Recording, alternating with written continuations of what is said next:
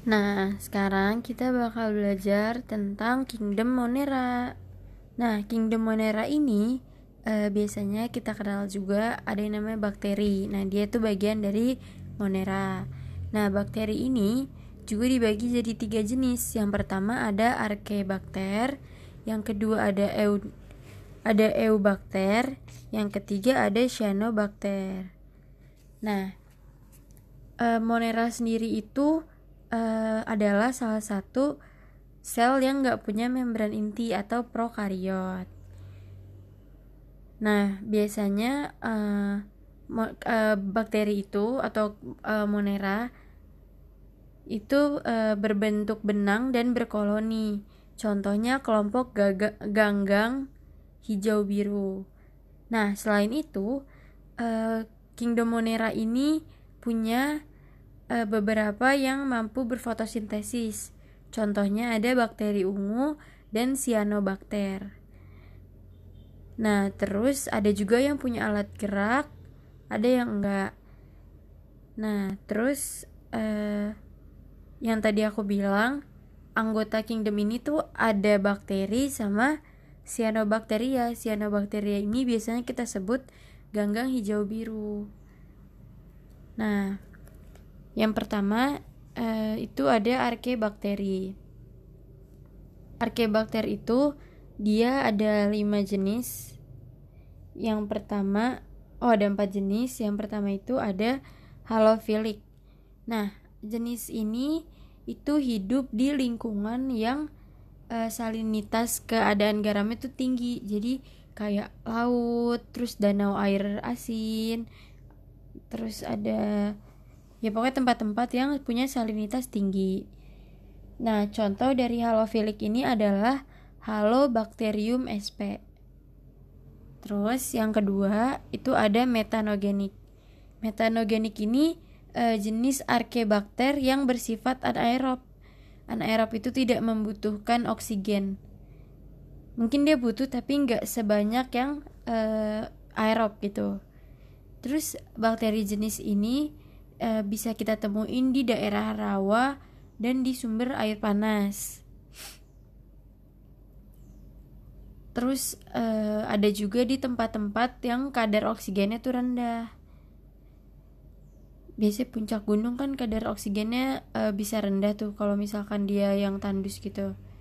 Nah, terus selain itu e, bakteri ini e, memperoleh makanan itu dengan cara membusukkan tumbuhan-tumbuhan di sekitarnya yang udah mati juga. Jadi kayak kerjaannya dekomposer tapi ini tuh buat makanannya dia gitu. Nah uh, dia itu uh, mampu menghasilkan gas metana atau yang biasa kita sebut CH4 nah uh, contoh dari metanogenik ini namanya Metanococcus sp Terus yang ketiga ada termoasidofilik. Nah, termoasidofilik ini e, bakteri yang mengoksidasi sulfur di lingkungannya. Biasanya dia itu ada di daerah kawah vulkanik sama mata air yang punya kandungan mineral sulfur. Contohnya itu ada termoplasma. Terus yang terakhir ada namanya pereduksi sulfur. Jenis bakteri pereduksi sulfur ini memanfaatkan hidrogen dan sulfur anorganik sebagai sumber energinya. Jadi uh, dia itu uh, butuh hidrogen dan sulfur anorganik untuk uh, sumber energi gitu, untuk hidup. Nah, contohnya itu adalah sulfolobus sp. Nah, sekarang kita bahas tentang Eubacter. Nah, Eubacter ini salah satu yang paling uh, terkenal dari Kingdom Monera. Uh, sekarang kita bakal bahas tentang struktur tubuhnya dulu. Struktur tubuh uh, Eubacter tuh apa aja sih? Nah, yang pertama itu ada dinding sel. Dinding sel ini adalah uh, bagian paling luar yang tersusun atas peptidoglikan uh, yang sama aja kayak dinding sel kebanyakan yang tersusun juga dari peptidoglikan. Nah, terus uh, kalau misalkan dibagi st dari struktur protein, ini dia ini tuh dibagi jadi dua itu ada bakteri gram positif dan bakteri gram negatif terus di bagian luar dinding selnya itu kalau khusus yang berpatogen khusus bakteri yang berpatogen itu dia punya uh, kapsul di bagian luarnya.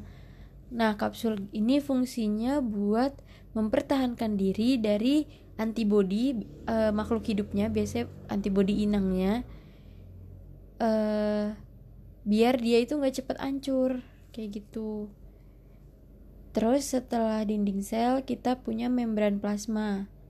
Nah membran plasma ini uh, fungsinya untuk pertukaran zat antar sel dengan lingkungan yang selektif. Jadi kayak yang biasa kita kenal itu namanya permea permeable. Jadi dia uh, ada saringannya sendiri ada kriteria sendiri kapan dia harus uh, pertukaran zatnya melakukan pertukaran zat tuh kapan kayak gitu.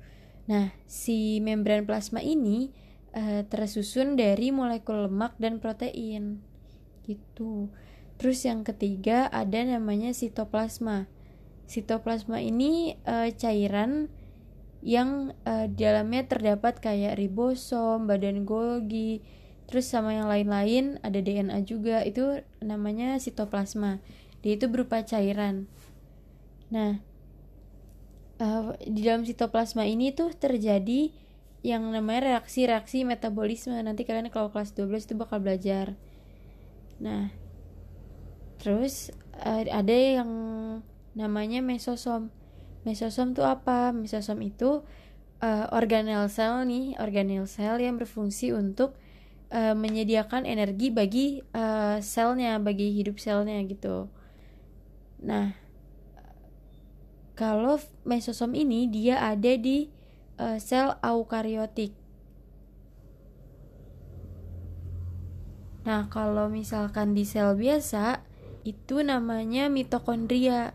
Jadi kalau kalau di sel eukariotik dia uh, namanya mesosom. Tapi kalau misalkan di sel biasa di sel yang pada umumnya ada itu kita sebutnya uh, organel sel ini adalah mitokondria gitu. Terus ada lagi namanya flagela flagela ini alat gerak biasanya apa namanya uh, cambut apa cambuk bergetar gitu Nah, dia ini berfungsi untuk uh, bikin gerakan ya, maksudnya kayak bergerak gitu. Nah, dia pakai flagela. Nah, uh, flagela ini dibagi jadi lima jenis. Yang pertama ada namanya atrik. Atrik ini dia nggak punya nggak punya uh, flagela. Terus ada monotrik. Monotrik itu mono, mono itu satu, berarti satu flagela. Nah, kalau lovotrik dia itu ada banyak tapi hanya di satu sisi. Misalkan di kanan aja tapi ada lima kayak gitu. Nah, kalau amfitrik dia itu ada di dua sisi dan banyak jumlahnya lebih dari satu. Misalkan di kanan ada tiga, di kiri ada tiga gitu. Terus ada lagi namanya peritrik. Nah, kalau peritrik ini dia di seluruh tubuhnya terdapat uh, flagela gitu. Terus ada lagi nah, setelah flagela ada lagi uh, struktur tubuh berikutnya itu namanya lembar fotosintetik. Nah, lembar fotosintetik ini cuma dimiliki sama dia yang bisa berfotosintesis. Contohnya kayak tadi ada yang uh, namanya bakteri ungu dan cyanobacter atau ganggang hijau biru. Nah, dia ini yang punya lembar fotosintetik gitu. Nah, bentuknya tuh kayak gimana sih? Nah, lembar fotosintetik itu bentuknya lipatan membran yang punya klorofil. Nah, fungsinya itu untuk tempat berlangsungnya fotosintesis. Nah, setelah lembar fotosintetik, di sini ada materi genetik yang biasa kita kenal ada DNA atau RNA. Nah, DNA atau RNA ini kalau di bakteri adanya di sitoplasma di cairan tadi itu. Nah, uh, fungsinya apa sih? Fungsinya itu uh, menyusun bakteri yang uh, pembawa, menjadi pembawa sifat atau gen. Nah, terus ada lagi namanya ribosom. Ribosom ini organel sel yang berfungsi untuk memecah protein atau sintesis protein. Nah, ribosom ini letaknya tersebar di sitoplasma. Terus ada lagi namanya plasmid. Plasmid ini uh, adalah DNA non kromosom yang sirkuler. Nah, plasmid ini uh, punya genetik tertentu yang menguntungkan dia pastinya. Nah, salah satunya itu adalah gen kebal antibiotik. Jadi, kalau kita semprot dia pakai antibiotik, kemungkinan besar dia udah tahan, udah resisten gitu. Terus ada lagi namanya endospora. Endospora ini dibentuk uh, pada saat lingkungan tidak menguntungkan. Jadi selama dia masih di tempat yang aman, terus um, misalkan makanannya tercukupi kayak gitu, nah berarti dia nggak ada nggak diproduksi gitu. Nah endospora ini tahan terhadap panas uh, dan uh, tidak mati uh, saat proses pemasakan uh, jika mem jika keadaan lingkungan yang membaik lagi endospora itu bakal tumbuh jadi uh, bakteri gitu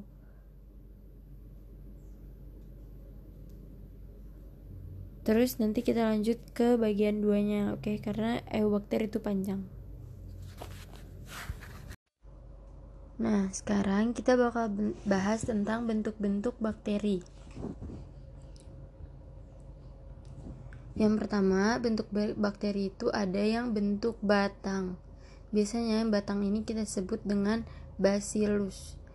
Nah, e, contoh-contohnya itu ada satu monobacillus atau bacillus tunggal. Ini contohnya Salmonella typhosa dan Escherichia coli. Terus ada yang diplobasil. Diplobasil ini e, bentuk batangnya bergandengan dua-dua misalnya Bacillus subtilis. Terus yang ketiga ada namanya Streptobacil. Nah, bakteri ini bentuk batang yang bergandengan seperti rantai, misalnya Acetobacter sama Bacillus antarikis. Terus yang B ada yang berbentuk bulat atau kokus. Nah, kokus ini ada monococcus itu bakteri bulat yang hidupnya satu sendirian. E, contohnya chlamydia trichomatis. Terus yang kedua itu ada diplococcus atau buat bergandengan dua-dua. E, contohnya diplococcus pneumoniae dan neisseria gonorrhoeae terus yang ketiga ada staphylococcus Nah, Staphylococcus ini bentuknya bola bergerombol seperti anggur, jadi udah mulai banyak gitu. Contohnya Staphylococcus aureus. Terus yang ada lagi namanya strep Streptococcus. Streptococcus. Nah, dia itu contohnya uh, bulat seperti lantai. Uh, contohnya itu Streptococcus lactis sama Streptococcus pneumoniae. Nah, yang terakhir dia ada namanya sarkina. Sarkina ini bentuknya bulat berkelompok uh, berkelompok empat seperti kubus, contohnya sarkina. Nah, yang ketiga ada berbentuk spiral atau spirilium. Kalau tadi berbentuk batang basilium, bulat kokus, nah bentuk spiral spirilium atau spirilum. Nah, spiral ini ya bentuknya kayak spiral gitu. Contohnya spirillum minor. Atau ada lagi bentuknya koma atau vibrio. Bentuknya nggak bukan spiral sempurna. Contohnya itu vibrio koma. Nah, yang terakhir ada namanya spiroseta. Spiroseta ini uh, spiralnya halus dan lentur. Contoh contoh bakterinya itu Treponema pallidum. Terus selain bentuk-bentuk bakteri, kita juga belajar tentang reproduksi secara aseksual. Nah, aseksual ini uh, dia menggunakan pembelahan biner. Uh, cara yang pertama itu ada konjugasi dua bakteri. Nah, kalau konjugasi dua bakteri ini uh, materi genetik satu sel uh, misalkan dari sel A berpindah ke sel lainnya melalui pili namanya. Pili. Terus yang kedua itu ada transformasi atau pemindahan sebagian materi genetik dari satu bakteri ke bakteri lainnya. Jadi kalau yang tadi itu materi genetik, kalau yang pertama yang konjugasi itu dia full satu materi genetik yang pindah ke salah satunya tapi kalau yang transformasi itu hanya sebagian yang pindah ke bakteri lainnya gitu. Nah yang terakhir ada transduksi. Kalau ini uh, pemindahan materi genetiknya diperantarai sama virus. Itu reproduksi secara aseksual pembelahan binera itu ada tiga yang tadi. Nah, terus sekarang kita bahas tentang penggolongan bakteri. Nah, penggolongan bakteri ini ada yang berdasarkan kebutuhan oksigen, ada yang berdasarkan cara memperoleh makanan, ada yang uh, ada dua atau tiga ya, dua dua. Berarti cuman berdasarkan memperoleh makanan sama um, kebutuhan oksigennya. Nah, kalau berdasarkan kebutuhan oksigen dia itu yang tadi ada bakteri aerob dan anaerob kalau aerob itu dia itu membutuhkan oksigen dalam memperoleh makanannya contohnya nitrosomonas nitrosococcus sama nitrobakter ini yang ada pada tanah ya tanah bakteri tanah itu aerobik terus kalau yang anaerob dia yang tidak membutuhkan oksigen dalam memperoleh makanan. Nah, anaerob itu sendiri ada tiga jenisnya. Ada anaerob obligat sama anaerob apa satu lagi ya lupa. Pokoknya yang anaerob obligat itu dia contohnya Clostridium tetani terus Clostridium botulinum Nah, selain yang obli an anaerob obligat itu ada juga anaerob fakultatif. Nah, di sini uh, yang anaerob fakultatif itu dia dapat hidup dengan ada atau enggaknya oksigen. Jadi dia ada kalau hidup eh kalau ada dia bisa hidup, kalau enggak ada dia juga tetap bisa hidup gitu. Contohnya Escherichia coli dan Lactobacillus. Nah, yang kedua kalau berdasarkan cara memperoleh makanannya. Dia ini ada yang autotrof sama yang heterotrof. Bedanya ya sama aja kayak tumbuhan. Kalau autotrof dia dapat menghasilkan makanannya sendiri dan kalau heterotrof dia nggak bisa, dia butuh bantuan yang lain.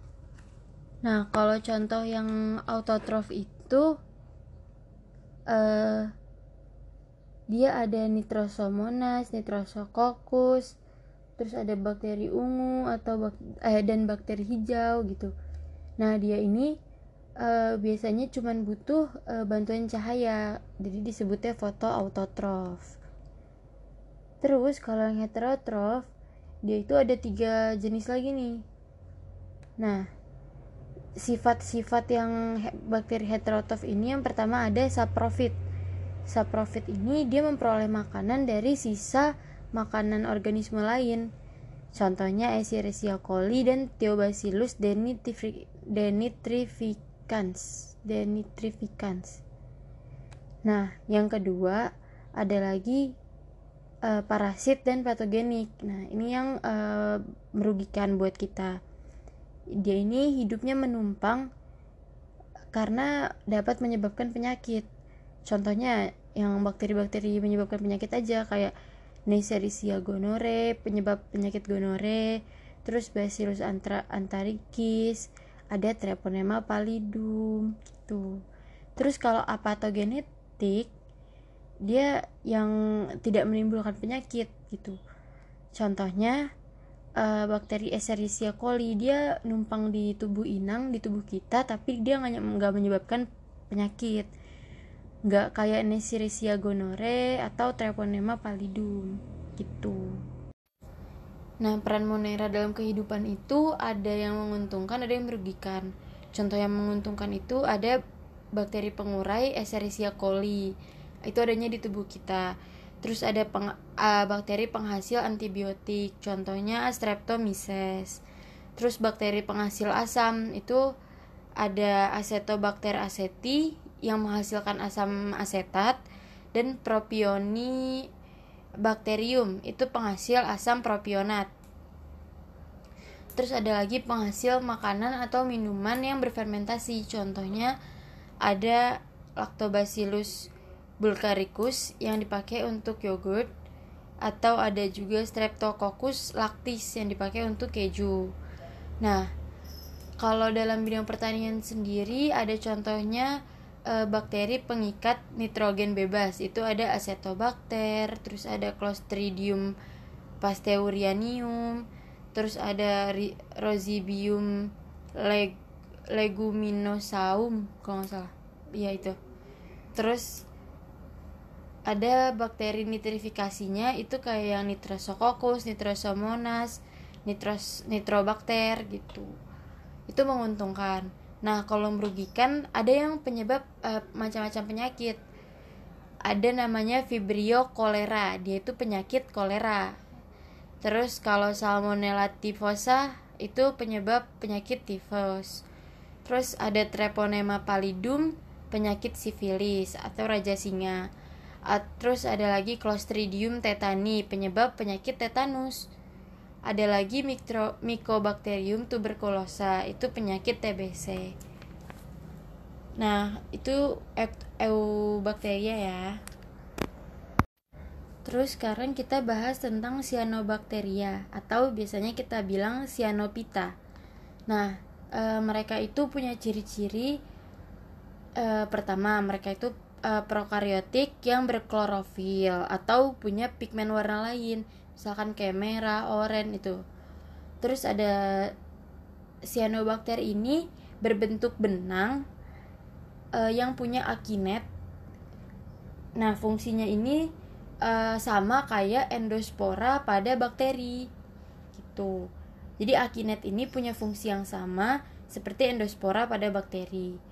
Terus tidak semua cyanobacter itu bersel satu karena ada juga yang berkoloni dan berbentuk benang atau kita biasa sebutnya itu filamen. Nah, e, bentuk-bentuk cyanobacter itu ada e, nih yang pertama itu ada cyanobacter bersel satu atau yang e, monoseluler atau uniseluler. Contohnya ada Crococcus sama kapsa. Terus uh, itu kayak bentuknya kayak buletan satu gitu aja ya. Bentuknya kayak bulat-bulat satu gitu. Terus yang kedua ada cyanobacter yang berkoloni atau biasanya rame-rame bergabung gitu. Bentuknya itu seperti bola bergerombol contohnya polisit polisitisis nah Terus ada lagi yang berbentuk benang atau filamen. Nah, mis ini contohnya itu ada osilatoria. Osilatoria ini ya bentuknya kayak benang-benang gitu ya. Nah, dia itu e, dapat bergerak dan memiliki hormogonium.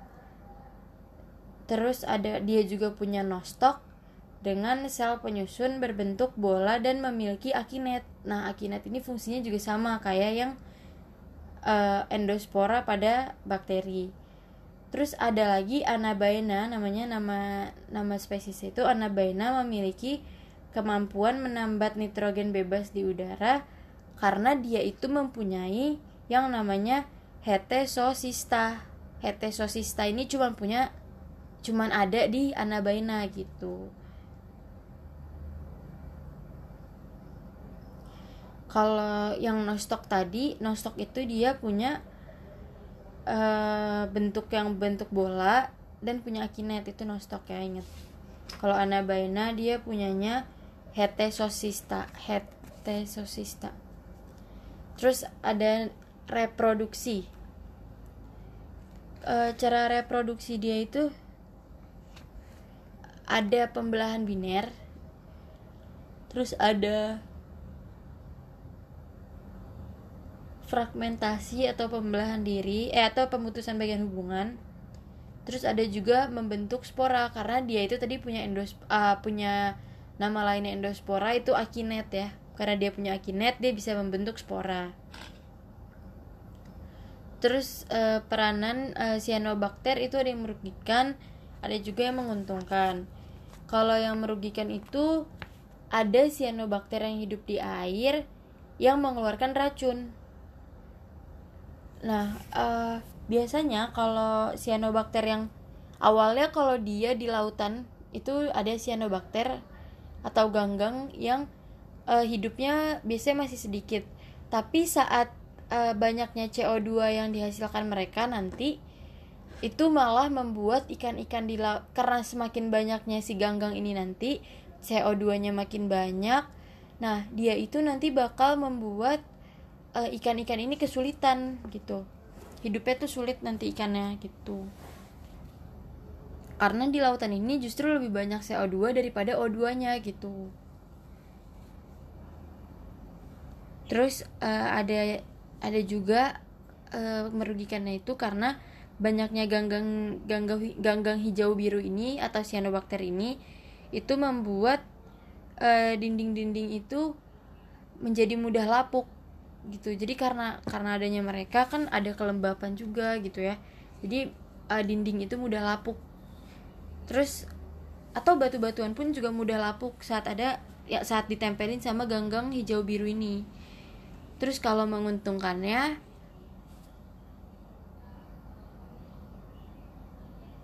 itu ada simbiosis antara anabaena yang tadi dengan tumbuhan uh, paku Azola pinatadi Nah, karena tadi si anabaina ini bisa mengikat bisa mengikat nitrogen bebas, jadi dia membantu dong membantu si tumbuhan paku ini untuk uh, mengikat si nitrogennya. Sehingga uh, nanti tumbuhan paku ini punya banyak amonia yang bisa digunakan untuk pupuk hijau gitu. Terus ada lagi uh, spirulina. Kalau kalian tahu yang masker-masker itu spirulina ini uh, menghasilkan protein yang bisa dihasilkan untuk bahan makanan juga gitu. Terus bisa kita manfaatin buat masker ya untuk kesehatan kulit gitu. Nah untuk bab uh, monera udah selesai cuman itu aja. Ada tadi ada eubakter terus ada kita udah bahas ciri-cirinya dan lain-lainnya terus ada cyanobacter juga. Udah deh itu aja